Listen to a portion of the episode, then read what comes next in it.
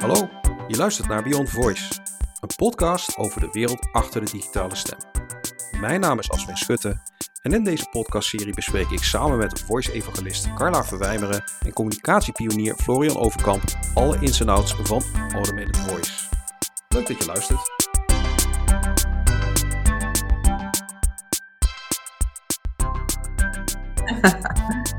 Hallo beste luisteraars, welkom bij Beyond Voice, de podcast over de wereld achter de digitale stem. Vandaag een, een gezellig eh, clubje hier aan tafel. Ik begin even bij uh, ja, degene die echt uh, fysiek hier tegenover mij zit, uh, Florian Overkamp. Goeie... Hey, goedemorgen. Hallo, hoe is het? Ja, goed, goed. Op het scherm kijk ik naar twee gezichten, waaronder een ja, oude bekende voor mij al, Carla Verwijmeren van Y Digital. Hoe is het met jou? Goedemorgen, ja goed.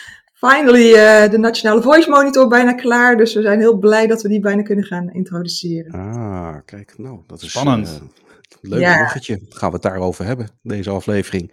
En een, een nieuw gezicht uh, voor, voor ons dan hier bij SpeakUp op het scherm. in het scherm zit Jetke Richterink van onderzoeksbureau Direct Research. Goedemorgen, Jetke. Goedemorgen. Hoe is het? Ja, gaat ook hartstikke goed. Ik ben dit jaar voor de eerste keer ook betrokken als onderzoeker bij, uh, bij de Nationale Voice Monitor. Dus erg leuk om daar uh, nou, vandaag een beetje over te kletsen natuurlijk. Oké, okay, leuk. En de eerste keer dat je een, een, een podcastopname meemaakt? Zeker, ja. glamoureuze wereld van de podcastopnames. Ja, dan zie je het een keer achter de schermen. Dan, uh... de draden, chaos. Maar goed, um, even kijken. Uh, uh, uh, ik hoorde het al van, van Carla. een, een, onderzoek, hè? Een, een, nationale voice monitor onderzoek is, is uitgebracht. Um, ja. En ik, ik begreep, ja, jullie begrepen al van de intro dat Jetteke van Direct Research hier een grote rol in heeft gehad. Dus um, ja, vertel eens Carla, wat is, wat is de achtergrond van dit onderzoek? Ja, de Nationale Voice Monitor is een onderzoek wat we dit jaar voor de derde keer uitbrengen. Uh, het is eigenlijk ontstaan een beetje uit frustratie bij mijzelf, omdat ik uh, nou, een aantal jaar geleden natuurlijk aan de slag ging met spraaktechnologie.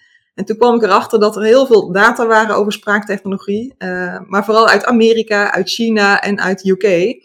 Maar dat er eigenlijk helemaal geen informatie was over de Nederlandse markt. En, en dat vond ik een ontzettend gemis, omdat je merkte dat je daarmee toch ook als organisatie, als je gaat investeren, een beetje in de blind aan het investeren bent. Dus toen dacht ik van, nou, dat kan beter. Dus uh, nou, drie jaar geleden gestart met de eerste versie van de Nationale Voice Monitor. Uh, nou, die is in de loop van de jaren steeds groter geworden. En ja, dit jaar moet ik zeggen, het is echt een heel mooi onderzoek geworden. Voor, voor het eerst ook dit jaar met een aantal partners, hè, zoals Achmea, de NPO, uh, Project Zilver en uiteraard ook de DDMA. Dus wel echt mooi dat we daar ook goede stappen in zetten. Aha, en hoe zijn, je, ja, hoe zijn jullie dus bij Direct Research uitgekomen?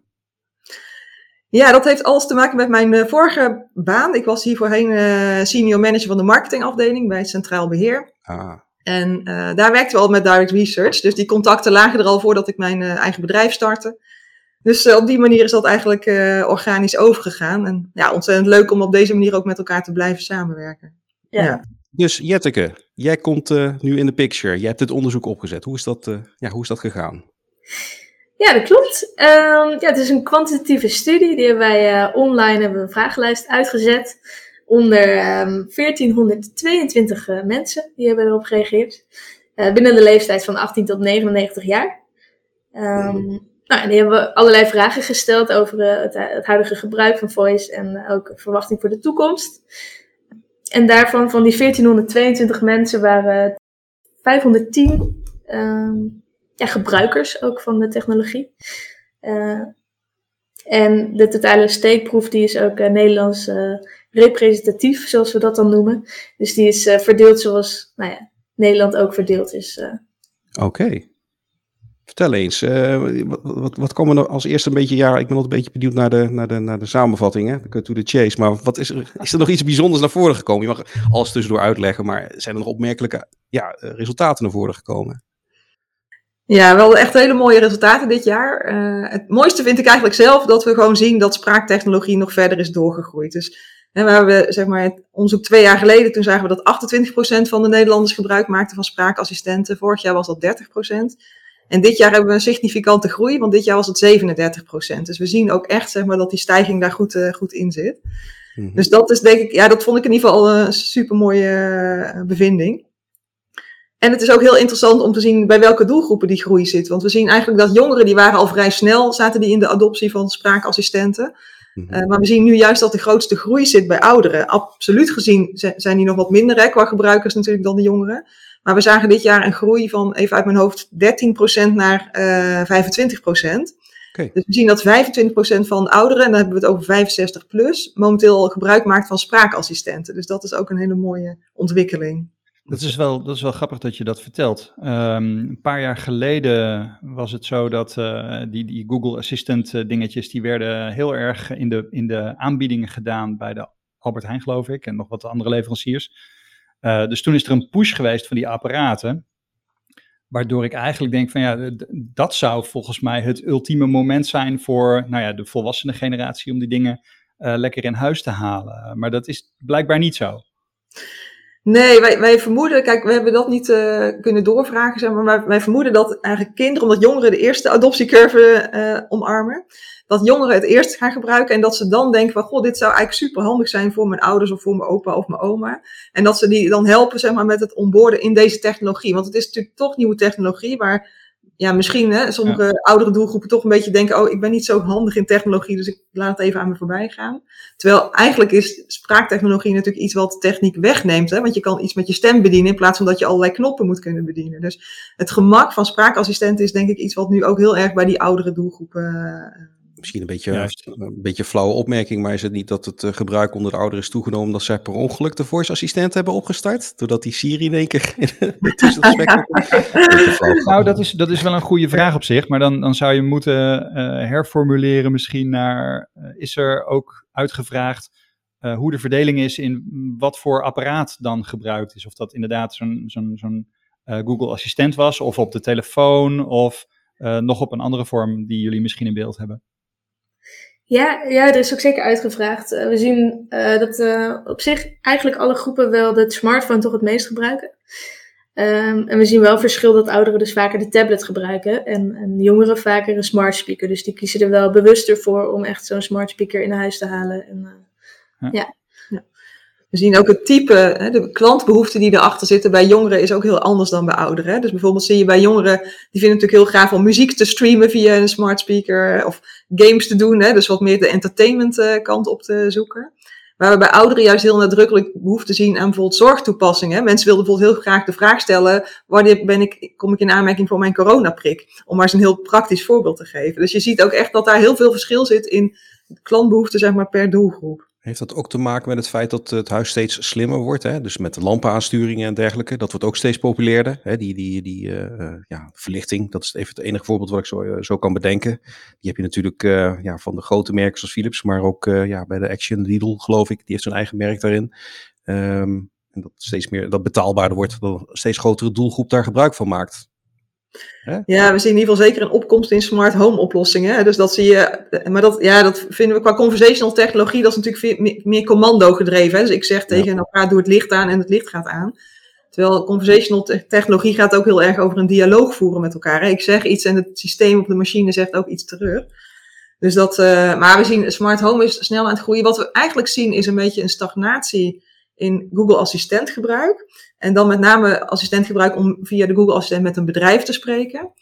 Uh, we zien ook dat sommige organisaties daar nu mee stoppen. Rabobank is ermee gestopt. Uh, ik weet ook dat uh, Albert Heijn bijvoorbeeld is daarmee gestopt. En tegelijkertijd zien we eigenlijk een groei als het gaat over spraakassistenten in, inzet in callcenters.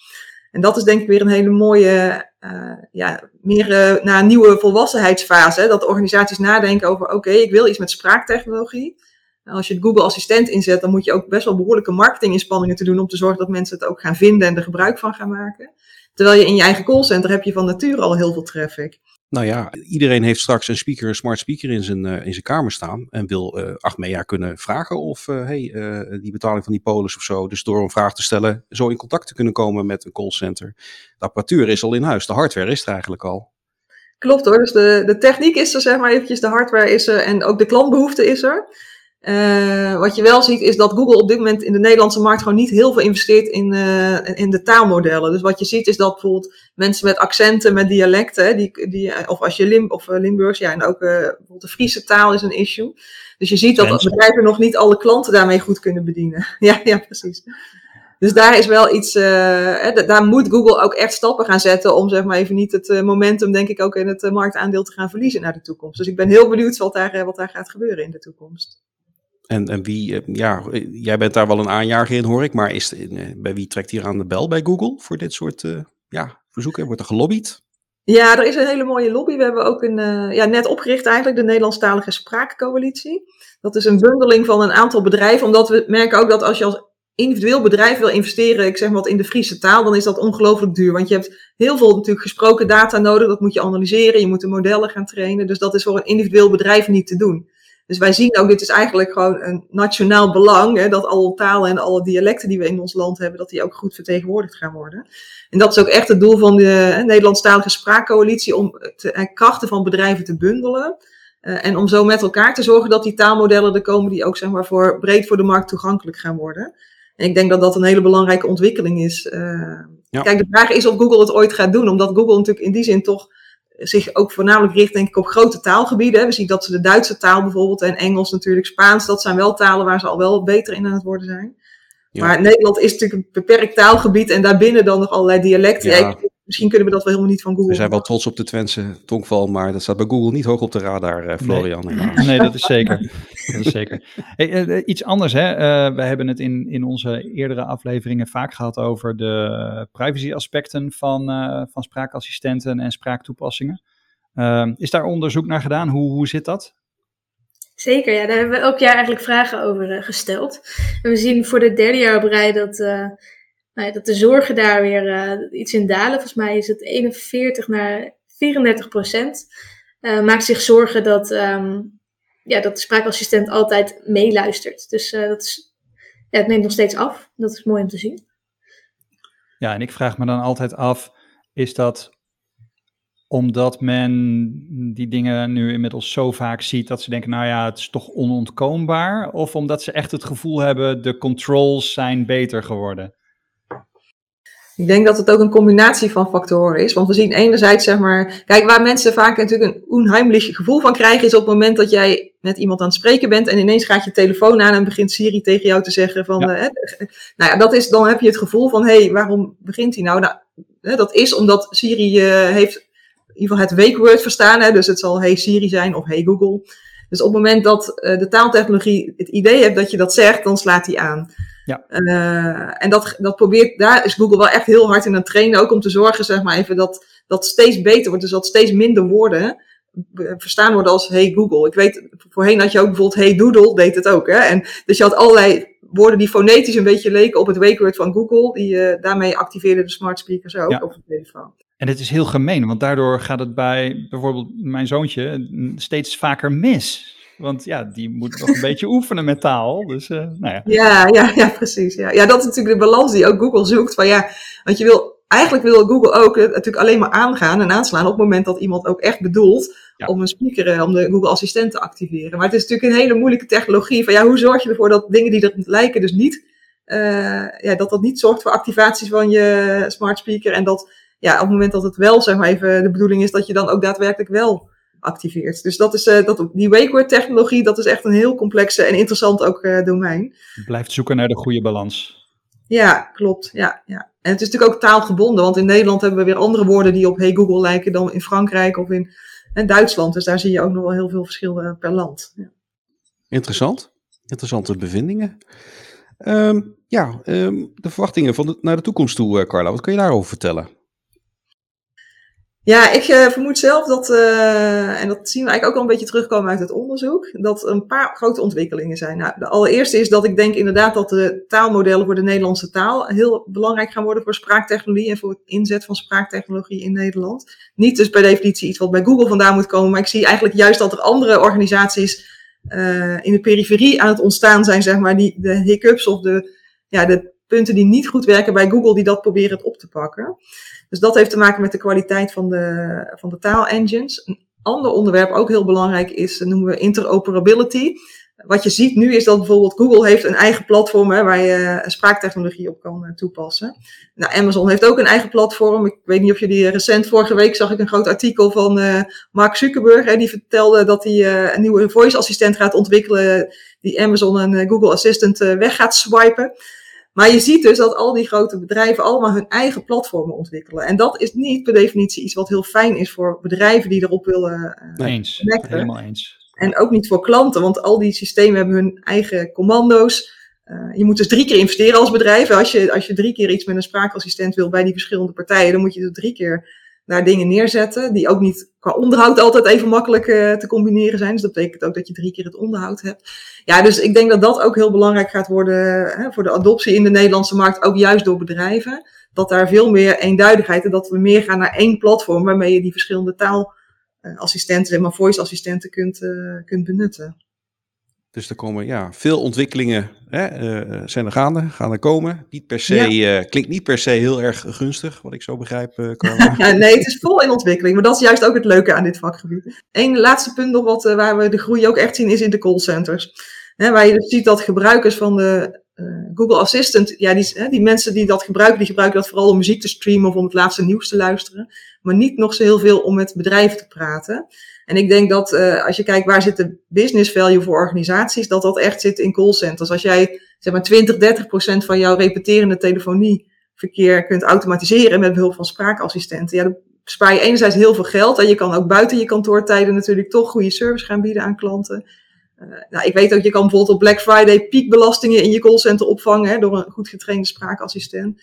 Dus dat zijn wel echt hele mooie kansen, denk ik, ook voor het bedrijfsleven, voor het Nederlandse bedrijfsleven, waar spraaktechnologie ook vol een rol in gaat, gaat spelen. Dus dat zie ik nog als belangrijke groeimarkt. Ja, en waar, uh, waar White Digital uh, graag in meehelpt natuurlijk.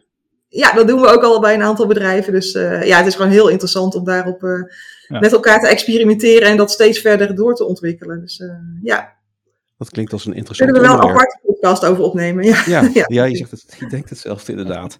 Ik ga, die schrijf ik even op voor een, eh, voor een volgende aflevering. Eh, een laatste vraag. We, we, we zijn deze nu even in de voorbereiding aan het opnemen. We zeiden de, de monitor gaat uitkomen. Wanneer is die definitief? Ja, we lanceren de Voice Monitor uh, 24 maart, donderdag 24 maart. Oké, en dan zorgen wij dat deze podcast ook klaar staat. Uh... Ja, helemaal goed. Ja, ja. Ik ga aan de bak, jongens. Ik ga, ik ga mijn best doen. Mag ik bij deze nu de aflevering afsluiten? Ja.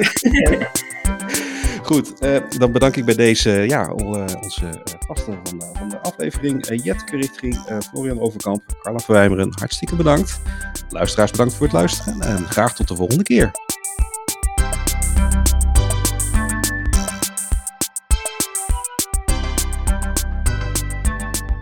Je hebt geluisterd naar Beyond Voice, een podcast over de wereld achter de digitale stem. Beyond Voice is een co-productie van SpeakUp, Pioniers in Verbinden en Why Digital, Driving Digital Value. Vond je deze podcast leuk? Klik dan op volgen op jouw podcast-app en geef ons een beoordeling op Apple of Spotify. Voor nu bedankt voor het luisteren en graag tot de volgende aflevering.